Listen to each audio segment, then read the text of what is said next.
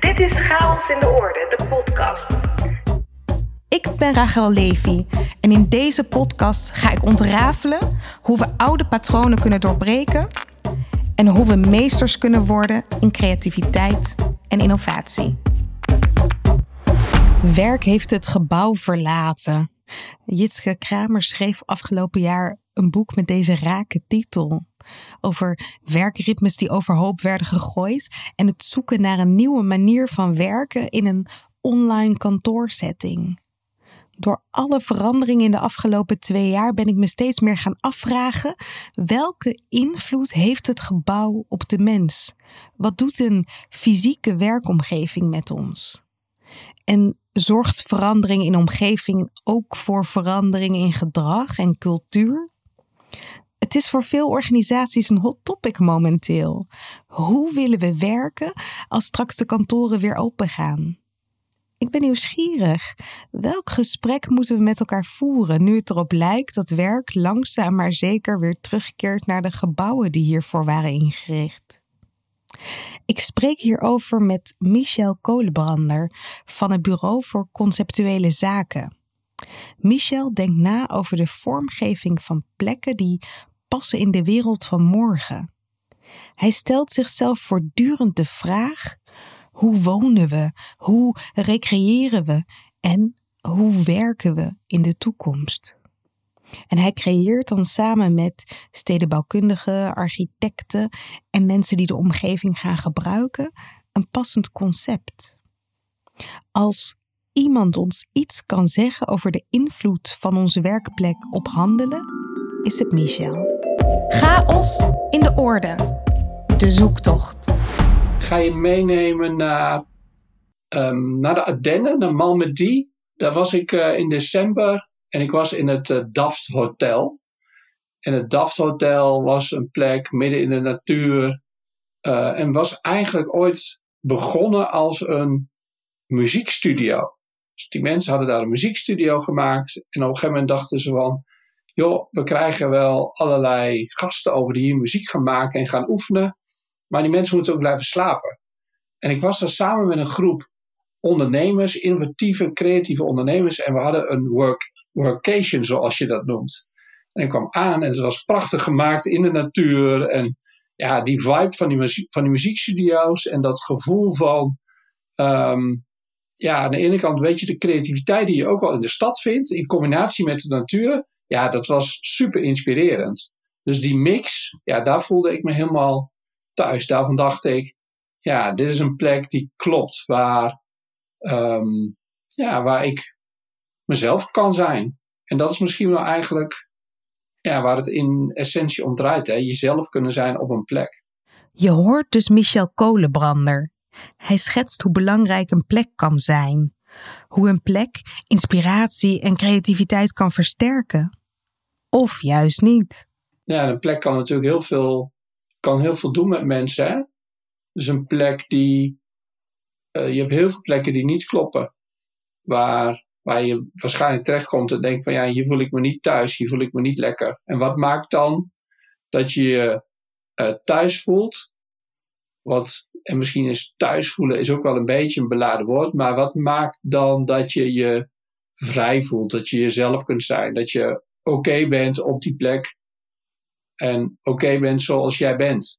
Als een plek meewerkt, levert de omgeving een bijdrage. Een bijdrage aan hoe je je voelt, maar ook aan je potentieel. De plek waar je bent kan jouw potentieel versterken of juist verzwakken. Die interesse van Michel voor de wisselwerking tussen mensen en plekken begon op de middelbare school. Hij deed een beroepskeuzetest waaruit bleek dat de hotelschool misschien een goede optie was. En dat vond Michel eigenlijk ook wel. En op de hotelschool leerde hij heel veel over het belang van de omgeving voor de beleving van mensen. En na zijn opleiding ging hij dus steeds vaker concepten ontwikkelen voor de hotellerie. Dus het ja, transformeren van gebouwen, bijvoorbeeld een bankgebouw naar een hotel. Um, en op een gegeven moment kwam ik, uh, uh, werd ik gevraagd om een oude elektriciteitscentrale te transformeren tot plek om te eten en drinken en hotel. Nou, dat hebben we toen Stroom genoemd. En Stroom was eigenlijk ook een beetje een rare plek. Uh, want het was een heel raar gebouw. En ik kwam in dat gebouw en ik dacht, god, het zou eigenlijk wel leuk zijn op die begane grond een soort hip buurthuis te maken. Hè, want mensen gaan natuurlijk niet in een hotel eten en drinken. Um, hè, dus dat, heel veel hotels proberen dat nu wel, maar dat komt nog steeds niet heel erg van de grond. Um, en ik dacht, die kamers, dat wil ik wat anders doen met die kamers. Ik had heel veel hoogte. Ik dacht, als we nou beneden de badkamer maken en op de eerste etage uh, kunnen mensen dan slapen. En dan ga je met een trapje naartoe en dan heb je een vierde. En um, nou, dat was eigenlijk het idee. En dat was eigenlijk het concept. En vervolgens um, nou, ontstond het en heeft een architect dat keurig uh, uitgewerkt, dat idee.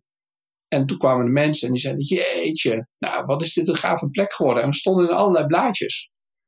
Maar er kwam vervolgens ook de meneer van de sterrenclassificatie. En die meneer van de sterrenclassificatie, hey, ik heb veel hotels hebben 1, 2, 3, 4 of 5 sterren. En die zei: Ja, maar meneer Kolenbrander, u heeft geen deur tussen uw badkamer en uw slaapkamer. En u heeft geen raam op zichthoogte. Dus um, ja, u, komt niet in aanmerking voor één ster. Toen dacht ik, ja, ja nou ja, dat is nog wat. Hè? Het systeem zegt van, um, ik uh, mag geen, uh, geen sterren hebben. Toen dacht ik, nou, dan doe ik het gewoon zonder sterren. Um, en ik noem het uh, Hotel Stroom. En toen zei ja, maar meneer, u, heeft, u mag ook het woord hotel niet gebruiken, want u voldoet niet aan de sterrenclassificatie. Toen dacht ik, nou, oké, dan doen we het Stroom en nou, we gaan gewoon beginnen. Nou, vervolgens werd Stroom een enorm succes. En ja, hadden we eigenlijk die sterren helemaal niet nodig. Michel is een creatieve denker die nadenkt over mogelijkheden zonder eerst te toetsen of het vanuit de huidige regels en procedures wel kan of mag. En juist door het negeren van de bestaande kaders ontwikkelde hij concepten die verfrissend waren en aansloten bij een behoefte zonder dat mensen zich precies bewust waren van die behoefte. Het leidde ertoe dat hij niet langer alleen gevraagd werd om hotelconcepten te ontwikkelen. En vervolgens kwamen er ook uh, nou, ontwikkelaars en gemeentes op een pad en die zeiden: ja, wat je kunt met een hotel, dat kun je ook met een gebouw of gebied. Het geheim van Michel is dat hij afscheid durft te nemen van de systemen die we kennen. Hij vindt die systemen ook niet meer relevant.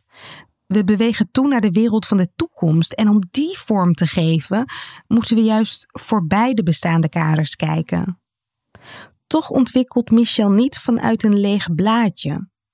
De omgeving die er is, of het gebouw waar hij mee moet werken, is het uitgangspunt, het startpunt. Hij ziet dat als het DNA uh, wat hij meeneemt in de ideeënvorming.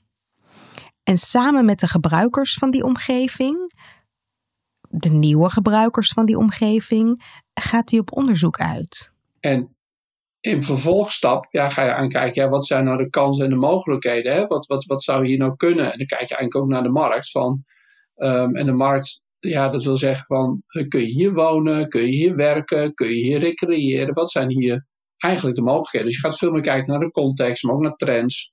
En uiteindelijk gaat het erom bij een concept, is dat je die verschillende dingen samenbrengt. Dus dat je die, vanuit dat je dat DNA en die, die mogelijke scenario's waar naartoe zou kunnen, ja, dat je dat met elkaar gaat verbinden, waardoor je het verleden, het heden en de toekomst eigenlijk aan elkaar gaat schakelen. En dan heb je eigenlijk een concept ontwikkeld samen met mensen, met diverse disciplines. Um, um, ja, waar, je op, waar, je, waar je op kunt gaan bouwen. En wat je vaak ziet, is dat er ja, te veel eigenlijk vanuit de stenen gedacht wordt. Dus dan komt er een, eigenlijk een architect en die zegt, ja, uh, welke functies zijn hier nodig? Oh, er moeten woningen komen of appartementen. Of er komt een projectontwikkelaar, hè, die denkt vanuit geld. Um, en die gaan op basis daarvan aan de slag en niet vanuit het DNA en vanuit dat, dat, dat fundament wat je eigenlijk met een concept kunt gaan, gaan leggen. En wat je ook eigenlijk ziet bij dat soort processen, is dat er van tevoren niet met elkaar wordt nagedacht. dus er wordt vaak, bijvoorbeeld, dat noemen ze dan een marktpartij. Dus er komt bijvoorbeeld een projectontwikkelaar, die koopt een stukje grond. En dan gaat hij denken, hoe kan ik hier heel veel geld op verdienen? En dan zet hij er nou, uh, dingen neer met weinig vierkante meters. Um, uh, en liefst zoveel mogelijk wat hij dan vervolgens gaat verkopen. Uh, of er komt een gemeente en die zegt, ja, ik, ik wil hier wat mee, maar dat, dat samen doen, samen doen met de omgeving en samen bedenken eerst met de omgeving, wat zijn hier de kansen en de mogelijkheden. En wat zijn de scenario's? Ja, dat is eigenlijk wat nu in deze tijd veel meer nodig is uh, richting de toekomst. Omdat je um, ja, eigenlijk ook niet standaard oplossingen moet gaan bedenken voor de, voor de uitdagingen waar we voor staan. Er is te veel gedacht vanuit stenen. Voor kantoren geldt dat heel duidelijk. Stenen werden uit de grond gestampt, nog zonder dat er een huurder was voor het kantoor. Generieke oplossingen werden gecopy-paste, zodat er een landschap ontstond van identieke kantoorpanden. Bedacht vanuit de functie, maar totaal niet vanuit de mens. Als je helemaal teruggaat naar in de tijd, hè, dan had je natuurlijk, is er natuurlijk ooit begonnen met um, um, met een stukje standaardisatie. Hè? Vroeger uh, meneer, uh, meneer Ford die zei van nou, um, uh, wat ik ga doen, ik ga allemaal zwarte auto's maken. en nou, wil je een andere kleur, dat kan, maar dan is die wel zwart. Nou, hè, dat verhaal kennen we allemaal. en uiteindelijk ja, gaat het ook over waardecreatie. En bij waardecreatie gaat het er eigenlijk om van ja, hoe kun je, ja, hoe kun je eigenlijk het aanbod en de vraag op elkaar afstemmen. En door de loop van de tijd ja, zijn er eigenlijk um, ja, de verschillende ontwikkelingen in geweest. Dus nadat we ja, uh, die industriële periode hadden, ja, zijn we veel meer in een soort dienstverlening terechtgekomen. Nou, daarna zijn we ook in een periode gekomen dat het wat meer gaat over beleving. Nou, nu zit je eigenlijk in een fase waarin het eigenlijk steeds meer gaat over ja, betekenis. En we eigenlijk steeds verder van ja, die standaard uh, af zijn geraakt. Hè. Mensen worden natuurlijk ook steeds ja, individue individueler. Um, en op het moment dat je kijkt naar, naar waardecreatie, ja, dan, um, dan werkt de standaard eigenlijk niet meer. In maatschappelijke trends en het denken over werk wordt steeds meer afscheid genomen van dat denken in systemen en standaarden. Maar we hebben nog wel dagelijks te maken met die erfenis uit het verleden.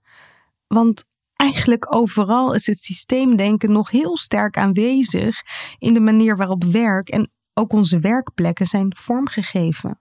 Wat je tegelijkertijd uh, ziet, is dat natuurlijk nog heel veel bedrijven eigenlijk bezig zijn om ja, te standaardiseren, um, te kijken naar kosten, te kijken naar procedures. En als je daarin eigenlijk doorgaat, hè, want er is een soort druk, er is concurrentie, er is druk op marges. En dat is eigenlijk bepalend voor die ontwikkeling van die bedrijven. Dus die gaan uiteindelijk mee in die standaardisatie, in, het, in de focus op het proces, in de focus op, oh, we moeten toch ook meer winst maken. En door die focus op winst maken gaan ze dingen uh, efficiënter doen. En als je dan kijkt naar het maken van plekken, ja, dan, dan en het, het, het, en het maken van werkplekken en het creëren van kantoren, ja, dan is er ooit iemand die heeft dat bedacht. En, en um, uiteindelijk ja, wordt alles in die, ja, in die, in die malletjes gegoten. En in Nederland heb je, we hebben een bestemmingsplan, we hebben een bouwbesluit, een deur moet een bepaalde hoogte hebben. Uh, nou, ga zo maar door. Um, dus er zijn allemaal regels en procedures waar het in wordt gegoten. Onze werkplek is in een bepaalde mal gegoten. En omdat die mal is vastgelegd in regels en procedures, zijn de ontwerpers van werkplekken ook steeds meer in die mal blijven denken. Alleen dan denk je eigenlijk helemaal niet na over, um, over de mensen. En het nadenken over, um, over de mensen, um, ja, dat zou eigenlijk veel meer moeten. En wat je nu langzaam maar zeker ziet, is dat er meer wordt nagedacht over oh ja, de natuur. We moeten er meer in samenspraak doen met de natuur. Um, maar ja, voordat, um, voordat die hoofden die dat allemaal bedenken, er dan toe zijn om anders te gaan denken dan de standaard, ja, dan, uh, dan moeten we natuurlijk een enorme slag gaan maken. En dat is natuurlijk waar we met z'n allen tegenaan lopen. Dat mensen jarenlang zijn gewend om ja, de standaard eigenlijk te maken en de standaard werkplek te gaan maken. Um, ja, en dat was natuurlijk heel efficiënt. Dus we moeten op een andere manier gaan denken. Deze manier van bouwen, die wij de oude manier noemen, is tekenend voor de cultuur in organisaties. De gebouwen zijn een spiegel van die cultuur. Uh, is eigenlijk hè, de standaard. Dus de standaard, uh, de standaard gebouwen het hoe het hoort, het hoe doen we de dingen. En dat is eigenlijk ook een bepaalde cultuur van, uh, van werken, die is gecreëerd. Dus je gaat uh, naar je werk, dat doe je tussen 9 en 5. Um, ehm, dan zit je in een kantoor, dan zit je aan een bureau en eigenlijk kom je dan in een systeem uh, terecht. En eigenlijk kom je dan in een soort van um, ja, systeem terecht en in een bepaalde cultuur terecht van ja, hoe, hoe moeten de dingen? Um, en als je dan denkt aan een kantoor, ja, dan, dan keken de mensen er vroeger eigenlijk niet zo gek van op dat daar een systeemplafond in zat en um, dat daar mensen achter een bureau zaten en dat je um, nou, allemaal op een bepaalde tijd met elkaar ging lunchen en dat je je broodtrommel meenam en dat je elkaar gedag zei. En, en wat wel boeiend is, is dat um, um, dat heeft allemaal te maken met bepaalde uh, ja, organisatiestructuren. Dus op het moment dat jij in het systeem komt, en dan kom je eigenlijk in een bepaalde structuur. En wat mensen doen, is dat ze zich gaan aanpassen aan die structuur. Um, dus een, een, een organisatiepsycholoog, uh, geloof ik meneer Minsberg, die kennen we allemaal uit de boekjes uh, van vroeger. En die zegt eigenlijk van ja, op het moment dat je gaat focussen op ja, formele procedures, regels, zoals het hoort, zo, nou, dan kom je eigenlijk in een, ja, in een hele mooie, in een, in een soort ja, machinebureaucratie eigenlijk uh, terecht.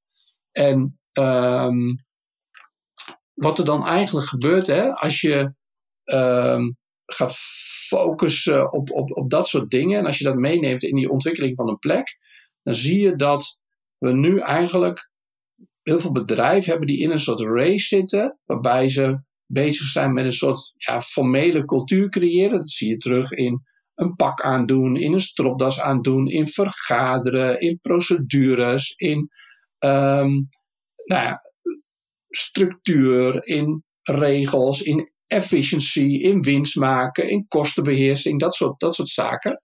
En eigenlijk de grap is, als je dan gaat kijken naar ja, dat onderdeeltje, die operational excellence, zoals ze dat dan noemen in die, in die theorie van die meneer Minsberg, ja, dan is wat kenmerkend is aan dat soort organisaties en dat dat soort plekken, is dat mensen, medewerkers, die worden eigenlijk helemaal niet aangestuurd om en aangespoord vooral ook om verbeteringen aan te brengen.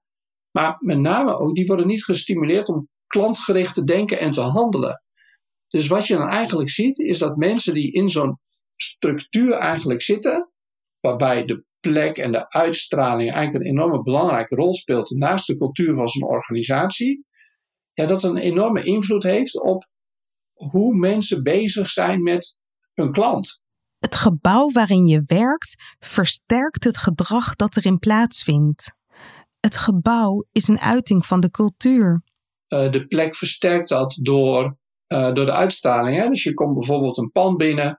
Bij dat pand moet je je badge ergens tegen aanhouden. Vervolgens is dat eigenlijk, kom je in een, uh, misschien wel een marmeren omgeving. Of je komt eigenlijk in een soort typische kantooromgeving. die efficiënt is ingericht, want dat is toch makkelijk schoonmaken. vervolgens nou, loop je door en dan hangen er uh, allerlei bordjes van hoe je je wel of niet uh, moet gedragen. En uh, nou, hè, de prikklok zal op bepaalde punten wel zijn afgeschaft. Maar nou, zo ging het misschien vroeger een beetje. Dan kom je in een soort van ja, omgeving met rijtjes met bureaus of met nou, misschien wel in een fabriek. En um, ja, dat zijn gewoon allemaal afspraken die je dan met elkaar hebt. En op het moment dat je dan in zo'n omgeving komt waarin er allerlei afspraken met elkaar zijn, waarin vergadertafels staan met alle nette stoelen eromheen, ja, dan, dan wordt eigenlijk al je, al je vrijheid en eigenlijk al je, je mensheid en je eigenheid en je creativiteit, ja, die wordt eigenlijk overboord gegooid. iedereen kent dat filmpje uh, van, uh, van Apple, uh, eh, 1988. En dan zie je al die mensen in die zo'n allemaal van die zwart-witte mensen, die zie je allemaal in zo'n, in zo'n, in zo'n ruimte zitten. Een soort robots lijken dat wel. Maar als je nu eigenlijk gaat kijken in Amsterdam op de Zuidas en je ziet hoeveel mensen daar hè, in die pakken allemaal die kantoren uh, binnenstromen, ja, dan zou je bijna een soort zwart-wit viltje eroverheen kunnen leggen. En dan uh, kun je eigenlijk al voorstellen dat die mensen eigenlijk allemaal hetzelfde gaan doen. Dus die gaan allemaal die gebouwen in. En ja, dit klinkt misschien een beetje, een beetje zwart-wit. Is het misschien ook wel. Maar dat is op een gegeven moment wel, dat, dat, dat stimuleert op een gegeven moment niet ja, de creativiteit en um, um, nou, eigenlijk wat nodig is in deze tijd om ja, dingen anders te gaan doen. Er is een hele sterke wisselwerking tussen de mens en de werkplek. Het gebouw geeft je mogelijkheden of ontneemt je mogelijkheden. Het gebouw beïnvloedt hoe je handelt. En hoe je handelt heeft invloed op de algehele cultuur. Uh, het is heel lastig om in, in, in zo'n standaard omgeving out of the box te denken. Omdat je, um, je hebt niet alleen de omgeving waar je mee te maken hebt. Hè, dus, de, dus de vergadertafel met de, nou, noem het even de boardroomstoelen of de kantoorstoelen. Maar je hebt ook nog het stukje wat eigenlijk niet zichtbaar is. En dat is eigenlijk het stukje cultuur. En dat is dat zacht. Dus je hebt harde aspecten die niet helpen. Hè, op het moment dat je een flip over op gaat hangen en je gaat tekenen, dan zie je dat er eigenlijk al een soort van verandering in ontstaat. Maar dan schrikken mensen van, oh, jij gaat tekenen, jij gaat niet in jouw laptop kijken of op je telefoon kijken en je gaat ook niet vergaderen.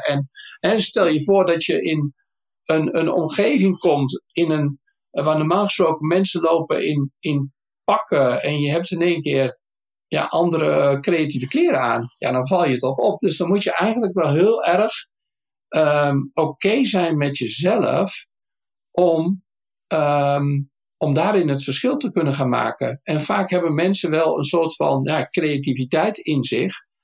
Maar probeer dan maar sterk in je schoenen te gaan staan. Om daar op dat moment in die boardroom, in die pakkenwereld, anders te gaan doen. Ja, want dan krijg je een enorme weerstand. Dus je krijgt allemaal, allemaal, allemaal mensen die, die, die, ja, die dan nog een beetje behoudend zijn. Of die het spannend vinden om te veranderen. Of die het spannend vinden om dingen ja, anders te doen. Of die het spannend vinden om dingen anders gaan. Ja, die, die gaan dan eigenlijk in de weerstand. En, um, maar dat, dat, dat um, anders zijn in zo'n organisatie. Anders zijn in zo'n andere cultuur. In zo'n andere vibe uh, ja, dat vraagt wel iets van mensen. Dat zijn echt eigenlijk, ja, dan ben je echt een enorme kanjer op het moment dat je dan gaat, aan de slag gaat. Misschien wel met een pak aan, hè, om, om iets te gaan doen wat anders is. Als je dan een stift pakt en op de flip over gaat schrijven. Maar dat is wel wat nodig is. Er mensen in organisaties die zichzelf durven te zijn. En dan gaat het eigenlijk om, um, ja, om woorden als leiderschap. Hè. Leiderschap is eigenlijk een, denk ja, dat is ook een soort van misschien wel een containerbegrip van wat is het dan? Is het dan dat je voorop gaat lopen? Uh, nee, maar eigenlijk is leiderschap gaat het erover dat je, dat je jezelf bent en dat je, um, nou ja, dat je je hoofd en je hart en je gevoel en je ratio, ja, dat, dat, dat het in balans bent. Dat je dat in balans brengt met elkaar en dat je, um, um, nou, en dat je dan eigenlijk vanuit die identiteit, vanuit jij als mens, een bijdrage gaat leveren um, nou ja, aan die omgeving. En ik denk dat er heel veel mensen zijn op plekken die eigenlijk wel willen. Hè, komen mensen tegen die zeggen: Ja, als ik het voor mijn kinderen zou doen, ja, dan zou ik het heel anders doen. Een ander zouden we ook een ander soort werkplek gunnen. Voor de komende generaties hopen we dat er meer ruimte is voor eigenheid en creativiteit. Maar om die eigenheid en creativiteit in onze eigen overgestructureerde, overgesystematiseerde omgeving in te brengen, ja, dat is best een uitdaging. Het is ook niet verwonderlijk als je hebt aangepast aan je omgeving. Daar kun je je bijna niet tegen weren. Onze hersenen vinden die standaard eigenlijk ook heel fijn. op het moment dat je, uh, onze hersenen zijn gewend om dingen op een logische manier te doen. Dus die, onze hersenen maken eigenlijk een soort van ja, snelwegen in ons hoofd, waardoor we dingen makkelijker kunnen doen en niet overal ja, elke keer over na kunnen denken. Dus op het moment dat jij in een gebouw komt en jouw collega die zit, die zegt geen goedemorgen.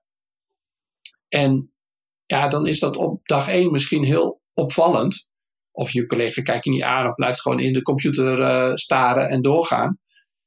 Dan wordt het op dag vier wordt het eigenlijk al heel normaal en is het eigenlijk weer de standaard geworden. En ons brein, ja, die, die accepteert dat. En zo zit eigenlijk de werking van ons brein, ja, draagt eraan bij dat we eigenlijk meegaan in die standaardisatie, in die regels, in wat er normaal is op zo'n plek en in zo'n gebouw. En um, dat is natuurlijk wat we ook natuurlijk constant zoeken. Um, er zijn ook wel onderzoeken naar gedaan dat mensen gedrag kopiëren. Uh, op het moment dat je weet dat we gewoon, ja, als je in een drukke winkelstraat bent, dan weten we gewoon dat we rechts moeten lopen. Dat is eigenlijk wel fijner. Uh, en dat links um, ja, lastiger is, dan loop je tegen de stroom uh, in. En dat heb je natuurlijk in een organisatie heb je dat ook. Dat ziet er niet uit als een winkelstraat. Maar in een organisatie, op het moment dat je ergens dingen anders wil doen, ja, dan moet je, uh, heb je toch af en toe het gevoel dat je aan de linkerkant van die winkelstraat uh, gaat lopen. Ja, en ons brein is heel fijn af en toe. Hè, want op het moment dat we elke ochtend moeten gaan nadenken over, oké, ik moet vandaag moet ik naar mijn werk. Hoe ga ik dat doen? Ik ga op de fiets, maar ja, dan kom ik bij die fiets. Hoe werkt dat dan, zo'n fiets? Nou, dus ons brein is heel fijn, doordat we gewoon weten van oké, ik ga op de fiets en die fiets moet ik gewoon opstappen, ik moet met mijn benen bewegen en dan, dan ga ik. Maar om patronen te doorbreken en om dingen anders te gaan doen, ja, dan is ons brein wel een soort sta in de weg die het lastig heeft met het doorbreken van patronen. En een omgeving uh, kan bijdragen om patronen te doorbreken. Een omgeving kan patronen doorbreken en patronen versterken. Als ik Michel zo hoor praten, moet ik denken aan het Pavlov-effect. Je loopt een gebouw binnen en schiet onmiddellijk in bepaald geconditioneerd gedrag. Door de omgeving te veranderen kun je patronen doorbreken. Maar om vervolgens in die nieuwe omgeving ook de werkzaamheden op een andere manier te doen, vraagt wel om het actief loslaten van je eigen oude conditionering en van je eigen oude verwachtingspatroon. En dat is vaak behoorlijk sterk ontwikkeld. Uh, je hebt gesolliciteerd als bijvoorbeeld advocaat bij een kantoor en je komt in een ruimte en een soort betonnen ruimte en uh, er hangen allemaal gekke posters met uh, allemaal uh, ja, popsterren aan de muur en je hoort een uh, gaaf muziekje. Het eerste wat je dan gaat denken is: hey, past dit in mijn hokje advocaat? Nee, dat past niet. Het eerste wat je gaat vragen is: joh, volgens mij ben ik hier niet aan het goede adres. Ik zoek uh, die en die en ik zoek dat en dat advocatenkantoor. Uh, en vervolgens krijg je misschien wel te horen: ja, nou, je bent op de goede plek. Alleen wij doen de dingen anders. Alleen ja, in de wereld van de advocatuur ja, is het misschien niet heel gewoon om posters op te hangen van popsterren, harde muziek te draaien en een betonnen gebouw te hebben. Dus zo heb je allerlei uh, ja, omgevingen die, uh, ja, waarbij je van tevoren ook wel een soort van verwacht dat ze er zo uitzien. We hebben het in deze podcast al vaker gehad over identiteit. Hoe we ons vereenzelvigen en identificeren met ons beroep. Hoe we wat we doen verwarren met wie we zijn. En het is dus niet verwonderlijk dat we allerlei aannames en verwachtingen die we hebben over ons beroep verwarren met verwachtingen over onszelf. Verwachtingen waaraan we moeten voldoen iemand die ergens werkt, ja, die moet zich goed voelen. Die moet zich kunnen ja, vereenzelvigen eigenlijk met de identiteit van een bedrijf. En um, wat daarbij bepalend is, is um, ja, de wijze waarop die persoon hè, vanuit je organisatiecultuur ja, denkt en voelt en dingen doet. En um, het punt is, ja, een cultuur, je kunt niet zo zeggen, ja, dit is onze cultuur en, en, en doe het er maar mee. En mensen moeten die zelf ook eigenlijk gaan, gaan ontdekken. En daarom is het heel belangrijk om ja, mensen ook te betrekken ja, bij de ontwikkeling van, uh, van, van plekken. Omdat een plek en een werkplek ook, ja, is gewoon een uiting van, uh, van die cultuur. Um, maar ja, dat, dat vraagt dus om meer dan de standaard. Dat vraagt dus om meer dan um, ja, een mooi, mooi plaatje op de muur. En als je kijkt naar identiteit, dan ehm, eh, kom je ook weer terug op leiderschap. Want dan zie je dat er nu op dit moment heel veel mensen een omslag aan het maken zijn, die eigenlijk op zoek zijn naar, ja, wat is dan mijn identiteit? Want we zijn naar school gegaan, we hebben, vroeger als kind waren we super creatief en vervolgens zijn we in het systeem gerold. In een soort schoolsysteem waarbij we hebben geleerd dat 1 en 1 2 is. En dat, ehm, ja, dat D's en T's op een bepaalde manier achter woorden gezet moeten worden. En als je dat niet goed doet, ja, dan klopt het niet helemaal. Ehm, dus in dat systeem zijn we eigenlijk ja, langzaam zeker opgegroeid. Daardoor zijn we een soort ja, slimmer geworden, noem je dan. Alleen we zijn misschien wel eigenlijk gestandaardiseerd in, uh, in, in hoe het hoort en in hoe het werkt. En um, wat je nu ziet is dat mensen eigenlijk voelen en ervaren. Ze zeggen, ja, weet je, dat gaat wringen. Ik, ik, ik functioneer niet helemaal meer. Ik kom niet meer helemaal tot mijn recht. Ik voel me niet meer helemaal gezond. En wat dan eigenlijk, uh, denk ik, ook het geval is, is dat je eigenlijk te veel um, ja, uit je kracht bent gekomen. Dus je bent eigenlijk te ver van je eigen identiteit afgedwaald. En wat je nu eigenlijk, uh, wat mensen doen, hè, is, uh, je kunt dan yoga gaan doen, je kunt leiderschapstrainingen gaan doen. En eigenlijk is dat een zoektocht naar ja, wie je bent. Eigenlijk een zoektocht naar je eigen identiteit. En op het moment dat jij je identiteit en wie jij bent en wie jij, um, wie jij in essentie bent en wat jou in essentie sterk maakt en ja, waar, jij, waar jouw kracht ligt, als je dat kunt koppelen aan je werk, ja, ik denk dat je dan um, ja, op een punt bent gekomen waarop je gelukkig kunt zijn. Je moet je dus kunnen vereenzelvigen met de identiteit van een bedrijf. En omdat die identiteit vorm krijgt in de cultuur en in de werkomgeving, moet dus ook die omgeving bij je passen. En als de cultuur op een gegeven moment niet meer past bij de visie die jullie hebben voor de toekomst, betekent dat dat je niet alleen aandacht hebt voor de persoonlijke ontwikkeling van mensen, zodat die kunnen gaan schaven aan hun identiteit en vertrouwd kunnen raken met hun eigen creativiteit bijvoorbeeld, maar ook dat je in de omgeving veranderingen aanbrengt. En als je met elkaar nu de vraag stelt: willen we straks terug naar het oude?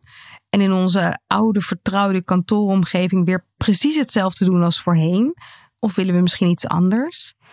Dan moet je die vraag eigenlijk niet beantwoorden met gesprekken. Eigenlijk zou het niet met woorden moeten. Ik, wat ik zie in het werk wat ik doe, is we gebruiken, ik laat mensen veel moedbeelden gebruiken en vooral het hebben over het gevoel. Dus niet over het wat, van welke stoel hè, heb je nodig. Maar laat mensen eens moodboards maken met het gevoel dat ze willen hebben op die plek. En um, vaak wordt er dan een, nagedacht over welke stoel wil je, maar dan zit je eigenlijk al niet op een, dan zit je op een andere laag. Dan ben je eigenlijk al een stap te ver. Gaat eerst met elkaar moodboards maken en op die moodboard staat het gevoel. Wat is het gevoel van die, van die plek van de toekomst? En dan ga je eigenlijk op een creatieve manier um, ja, met elkaar aan de slag. En ik wil probeer echt het woord in gesprek uh, te vermijden, omdat er te veel met woorden gedaan wordt. Omdat op het moment dat ik zeg stoel of boom, ja, dan heb ik een bepaald plaatje in mijn hoofd. En dat plaatje is heel anders ja, dan het plaatje dat mijn buurman in zijn hoofd heeft. Van die ziet een hele andere stoel en die ziet een hele andere boom voor zich. En door met elkaar te gaan, die plaatjes met elkaar te delen, zie je denken: Oh ja, maar jij bedoelt geen lage stoel. Jij bedoelt een stoel met acht poten, die nou, eigenlijk super hoog staat en eigenlijk die je makkelijker op tafels kunt zetten, maar eigenlijk in kunt klappen, zodat we ook kunnen dansen tussendoor. Um, nou, en door dat met elkaar te delen, krijg je een, ja, letterlijk en figuurlijk een gezamenlijk beeld. En wat je vaak ziet, is dat, um, dat mensen ook zeggen, ja, wij zoeken een gezamenlijk verhaal. Of wij zoeken een gezamenlijk beeld. En um, ja, maar dat blijft vaak bij woorden. Mensen hebben niet altijd eenzelfde plaatje. Daar hebben we het weer. We praten te veel. En als we praten over cultuur, krijgen we een praatcultuur.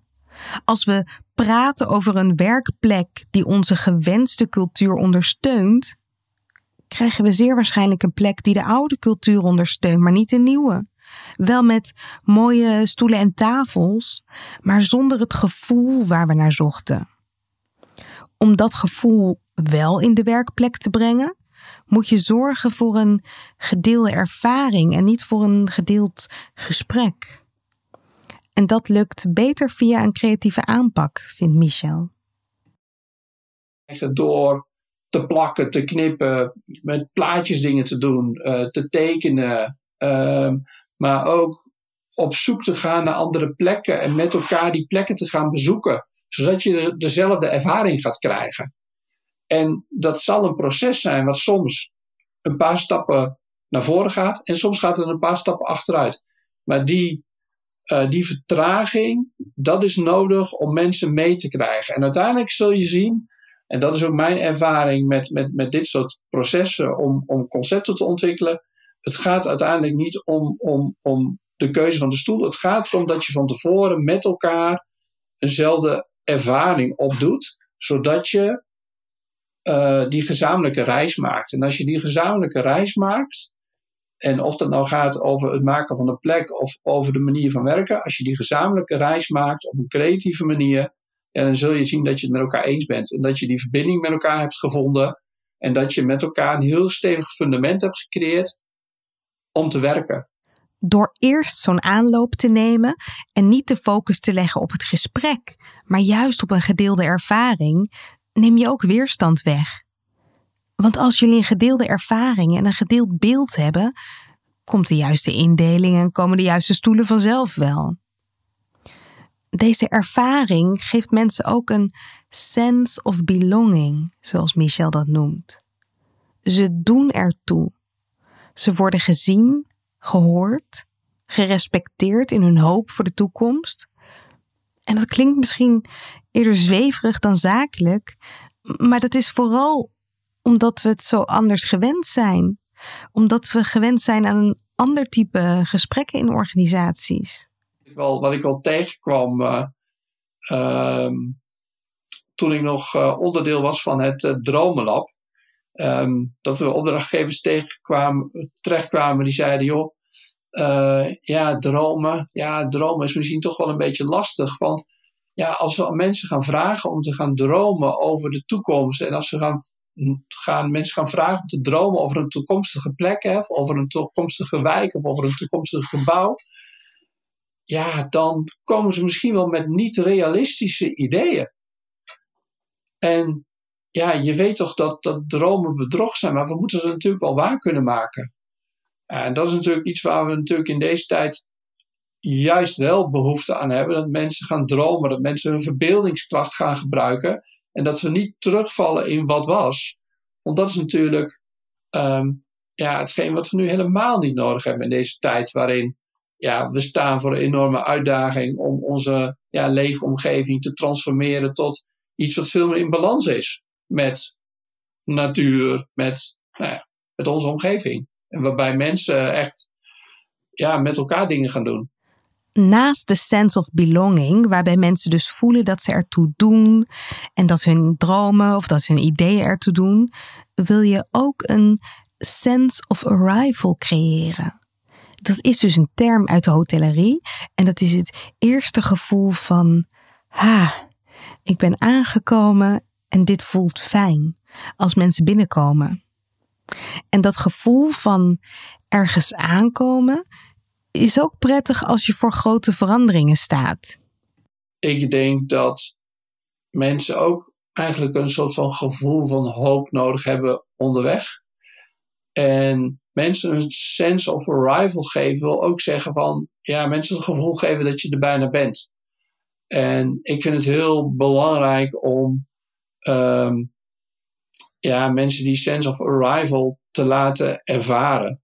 En een, um, het gevoel te geven van, ja, wij zijn onderweg naar een, naar een mooiere toekomst. We zijn, we zien het al een beetje voor ons, maar we zijn er nog niet. Um, en die sense of arrival meegeven, ja, is heel belangrijk uh, in deze tijd van transities.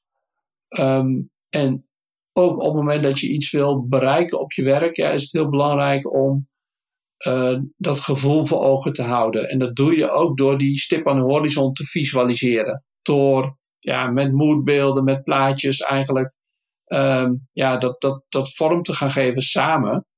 Ehm, zodat je eigenlijk ook weet van oké, we zijn onderweg, we zijn op reis, we zijn met elkaar bezig om ergens naartoe te gaan naar een ja, betere wereld, naar een betere plek om te werken.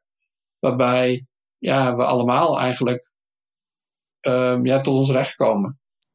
Het is een van de aspecten van leiderschap en verandermanagement. Je kent hem wel. Begin met het eind voor ogen. Creëer een visie, een beeld van waar je naartoe wil. En doe dat nou het liefst niet top-down vanuit de directiekamer of vanuit een of andere stuurgroep, maar doe dat samen. Um, dat begint met als je nadenkt over dat werken van de toekomst, hoe zou je dat graag willen? Wat is het gevoel wat je dan wil hebben? En ga met elkaar maar eens die visualisatie maken. Ga met elkaar die moodboards maken. Ga met elkaar aan de slag uh, om dat te gaan doen. Uh, ga kijken op andere plekken om je te laten inspireren. Ga naar buiten. Blijf niet in het kantoor zitten. Maar ga vooral ook op basis van je gevoel um, uh, aan de slag om dat toekomstplaatje te formuleren. En vervolgens kun je gaan kijken, oké, om naar die toekomst te komen, om die stap te gaan maken, welke stapjes moeten we gaan zetten?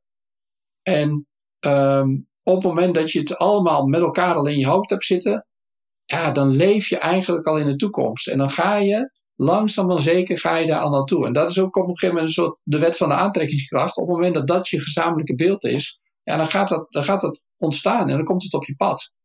En dan komt er misschien een andere plek op je pad, of er komt misschien iemand die gaat voorstellen van nou zullen we eens een kamer in gaan richten die ja, al een beetje uh, in, die, uh, in die toekomststijl uh, is. en dan zul je op een gegeven moment gaan zien dat, um, ja, dat die kamer veel gebruikt wordt en dat er meer vraag komt naar, naar zo'n kamer. Dus er zijn ook kleine stapjes die je, die je kunt maken. Maar begin met dat, met dat toekomstplaatje voor ogen. Van dan heb je een gezamenlijk gevoel gecreëerd uh, wat je uiteindelijk, ja, wat, wat, wat, wat kan werken. En die, die, die weg er naartoe, dus een kamer alvast inrichten uh, in je toekomstbeeld, ja, dat is ook een soort prototype wat je, wat je daar kunt gaan proberen, wat je daar kunt, ja, um, kunt gaan testen. En wat je ook kunt gebruiken om andere mensen enthousiast te maken. En om andere mensen, die misschien nog niet zo snel zijn als jij, een soort gevoel van ja, veiligheid te geven die zij nodig hebben. En um, om een volgende stap te maken. Werk heeft het gebouw verlaten. En dat gaf ons de kans om werk opnieuw te definiëren. Om terug te verlangen naar bepaalde aspecten van een werkplek en te constateren welke elementen je vooral ook niet mist. Om te ervaren hoe sterk de wisselwerking is tussen werkplek en cultuur. Als de gebouwen straks weer open gaan, is de vraag: hoe krijgt werk daarin een plek? Gaan we vanzelfsprekend terug naar het oude? Of is er ruimte voor iets nieuws? Als je kijkt naar de wereld van morgen, belangrijk dat mensen plekken maken waar ze zich thuis voelen, waar ze, zich, waar ze in hun kracht zijn. En niet waar ja, het systeem de basis. Chaos in de orde. De zoektocht. In een vertrouwde omgeving gedraag je je vaak op, op een vertrouwde manier. Denk maar eens aan je huis. Je hebt waarschijnlijk ook vaste routines. Je komt binnen, je schopt je schoenen uit, je hangt je jas op, we lopen naar de koelkast. En voor je het weet zit je met je drankje op je vaste favoriete plekje op de bank. Die routines die raken op den duur verbonden met de plek.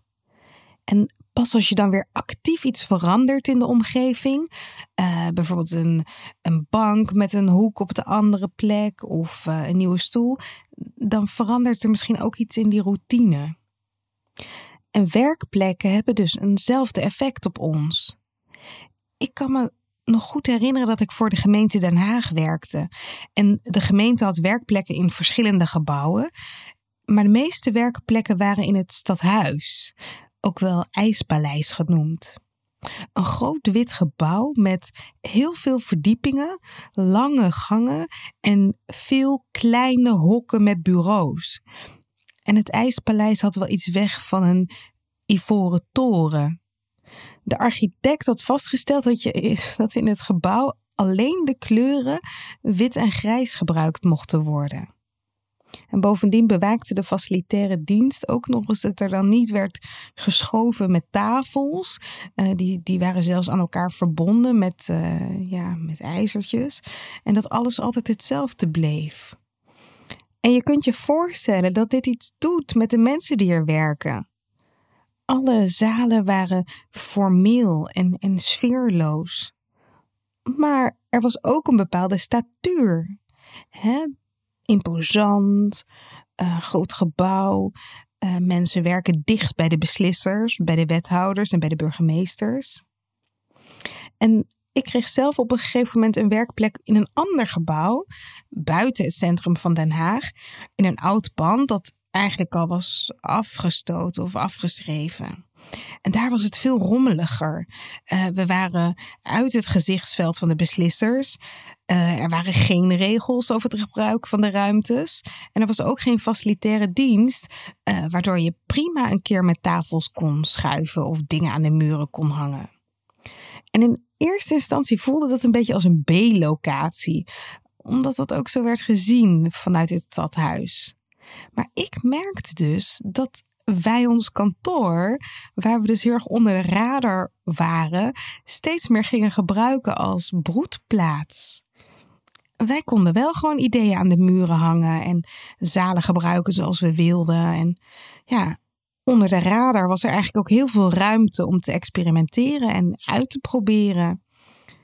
En ik ging die plek steeds meer waarderen. En toen kwam er een moment dat we het pand moesten verlaten. Er werden werkplekken bijgecreëerd op het stadhuis en wij werden daar gestationeerd. En toen voelde ik pas welke impact een gebouw heeft op de werkcultuur. Ik merkte, ik had zelf enorme moeite met aarde, enorme moeite met uh, mezelf zijn. Want in dat nieuwe gebouw, in het stadhuis, kon ik veel minder creatief zijn. In dat gebouw golden zoveel meer regels dat het niet lukte, mij niet, maar ook mijn collega's niet, om dat informele sfeertje, dat start-up sfeertje, dat we met elkaar hadden opgebouwd, mee te nemen naar die nieuwe werkplek. Die nieuwe omgeving, die domineerde als het ware onze cultuur onderling. Ik hoop dat jij met je team als je straks terugkeert naar het kantoor, dat je dat kantoor dan kunt gaan zien als een canvas. Een canvas waar misschien al op geschreven is. Want je hebt nu eenmaal te maken met die specifieke plek. En de muren zul je misschien niet kunnen, kunnen verplaatsen. Maar het is ook een plek waar je wel degelijk iets nieuws in kunt vormgeven. Al is het maar in één ruimte. En als je merkt dat dit gesprek of liever gezegd de uitwisseling van beelden niet op gang komt, ja, probeer dan eens om links te lopen in de gang. Lekker te ontregelen. Al is het maar voor jezelf, zodat je niet ongemerkt weer meteen terugvalt in alle oude patronen. Want je hoorde het: een gebouw versterkt de patronen die er al zijn. Creativiteit, innovatie het lijkt omgeven door een mysterieuze mist. Een geheim voor briljante breinen en getalenteerde kunstenaars. En toch, het moet toch voor iedereen toegankelijk zijn? Aflevering voor aflevering graaf ik steeds een stukje dieper. Ben jij enthousiast? Abonneer je dan op deze podcast en laat een review achter in de app waarmee je luistert. Hoe meer reviews we ontvangen, hoe meer mensen deze podcast kunnen vinden. Zo zorgen we samen voor meer chaos in de orde. Wil jij zelf chaos in de orde brengen? Download dan gratis het e-book Chaos. 10 manieren om patronen te doorbreken. Je vindt het op chaosindeorde.nl/slash podcast. Deze podcast wordt je aangeboden door Huis van Verbeelding, het bedrijf voor zakelijke creativiteit. Tot de volgende keer en veel chaos!